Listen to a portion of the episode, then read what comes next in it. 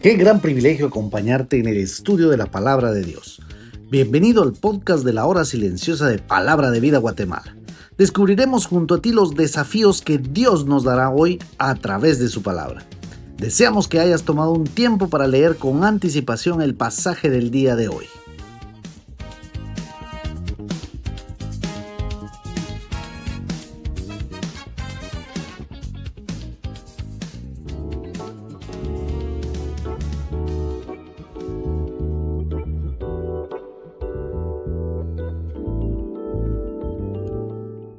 Agradecemos al Señor por darnos nuevamente la oportunidad de compartir el comentario de la hora silenciosa el día de hoy.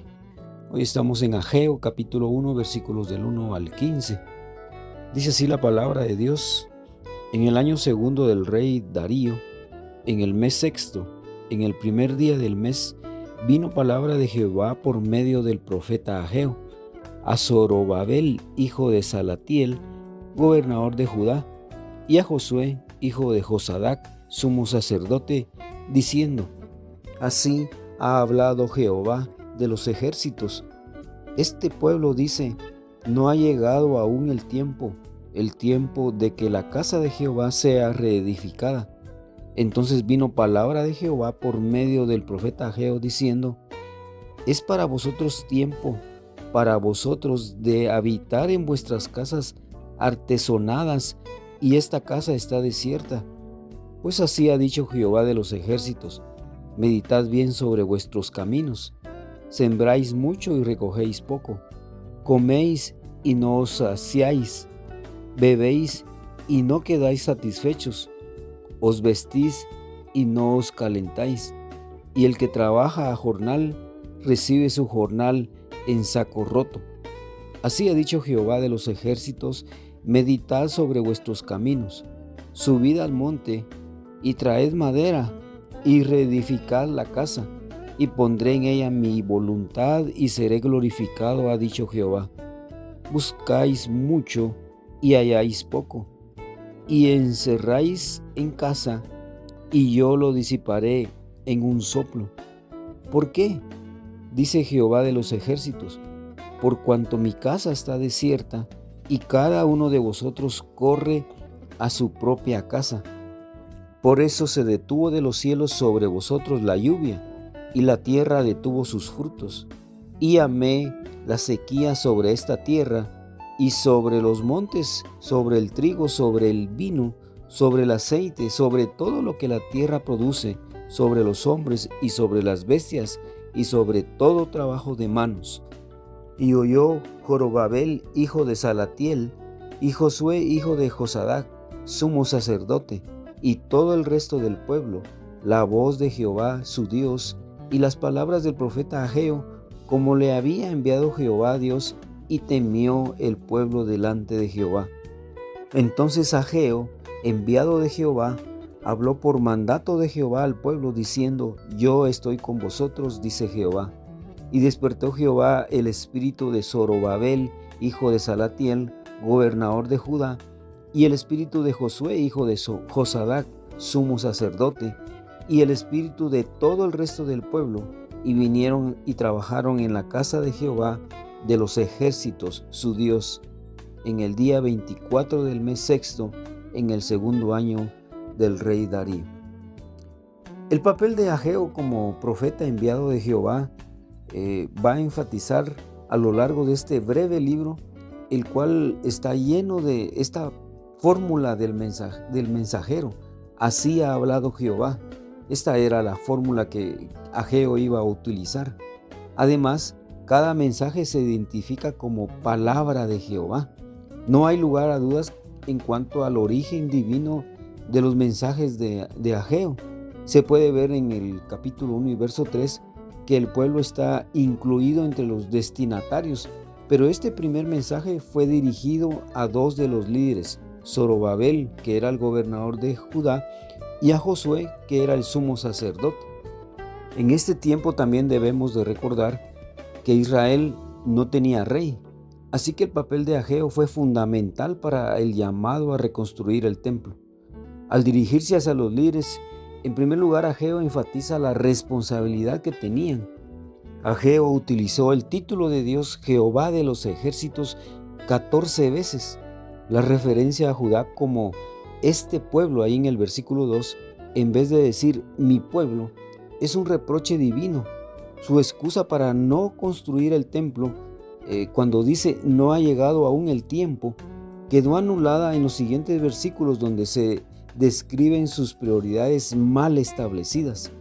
Ageo reprendió al pueblo por su indiferencia y negligencia. Habían construido sus casas haciendo a un lado la reconstrucción de la casa de Dios.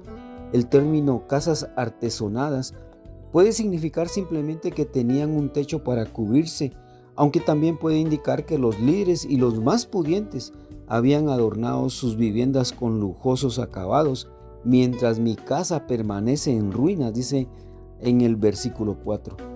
Jehová exhortó al pueblo a reflexionar en cuanto a su conducta, tomando en cuenta la pobreza en que estaba. Meditad bien sobre vuestros caminos, dice el verso 5. Y esto quiere decir literalmente, reflexiona sobre tu proceder. Ageo escribió otras cuatro veces esta palabra, meditad. Lo que habían hecho era deplorable y no le habían reportado ningún provecho para ellos. Por su egoísmo no habían logrado alcanzar esa estabilidad económica. Sus siembras abundantes, sembráis mucho, dice el verso 6, solo habían producido cosechas escasas. Las necesidades más básicas en la vida, como la comida, la bebida y el vestido, no se satisfacían. El que trabajaba a jornal recibe su jornal en saco roto, dice el pasaje en el verso 6, la idea es que su situación económica era un castigo divino por su desobediencia. Todos sus esfuerzos para labrar la tierra y para ganar el sustento diario era en vano, pero Dios deseaba mejores cosas para los que habían regresado del exilio. Una vez más Jehová exhortó al pueblo a reflexionar y lo desafía a que actuara. Jehová lo retó a que hiciera lo que tenían que hacer, reconstruir el templo para la gloria de Dios. El mensaje implícito en los versículos eh, del 2 al 4 ahora se hace más explícito. Reedificad la casa, dice en el verso 8, y pondré en ella mi voluntad. Esto traería honor y gloria, mostrando a las naciones que el Dios de Israel era digno de recibir la adoración de sus siervos en ese lugar. El no hacer lo que el Señor demandaba siempre va a traer el fracaso, va a traer la ruina y la pobreza. Cosechaban mucho menos de lo que esperaban. El resultado realmente era poco. No les rendía lo que recibirían. Y entonces dicen al final del versículo 9, eh, y yo disiparé de un soplo. Es decir, lo hice desaparecer. Y la razón era por su egoísmo y negligencia al no reconstruir el templo. La sequía provocada por Dios afectaba tres principales cosechas de Palestina el trigo, el vino y el aceite, así como todo lo que la tierra producía, y a la vez esto ocasionaba que los hombres y las bestias carecieran de provisiones. Entonces Ageo registra la actitud y la respuesta de los líderes. Temieron a Jehová, dice el versículo 12. Este versículo describe el papel de Ageo como el enviado de Jehová y presenta sus palabras como mensaje de Jehová. Aquí Ageo entregó la palabra de ánimo que el Señor quería dar al pueblo cuando se preparaba para la reconstrucción del templo. Yo estoy con vosotros, dice el verso 13. El Señor despertó el espíritu de Zorobabel y de Josué y el espíritu de todo el resto del pueblo para que reconstruyeran el templo. Así que desafiados por Dios y capacitados para llevar a cabo la tarea, vinieron y trabajaron en la casa de Jehová de los ejércitos, y 23 días después empezaría la reconstrucción del templo. Es imprescindible que el cristiano establezca siempre un orden de prioridades. Haz una evaluación y si están en desorden, dale la preeminencia a Dios y a su relación con Él. Mi nombre es Carlos Bog. Esperamos como siempre que esta palabra cumpla sus propósitos en tu vida. Bendiciones.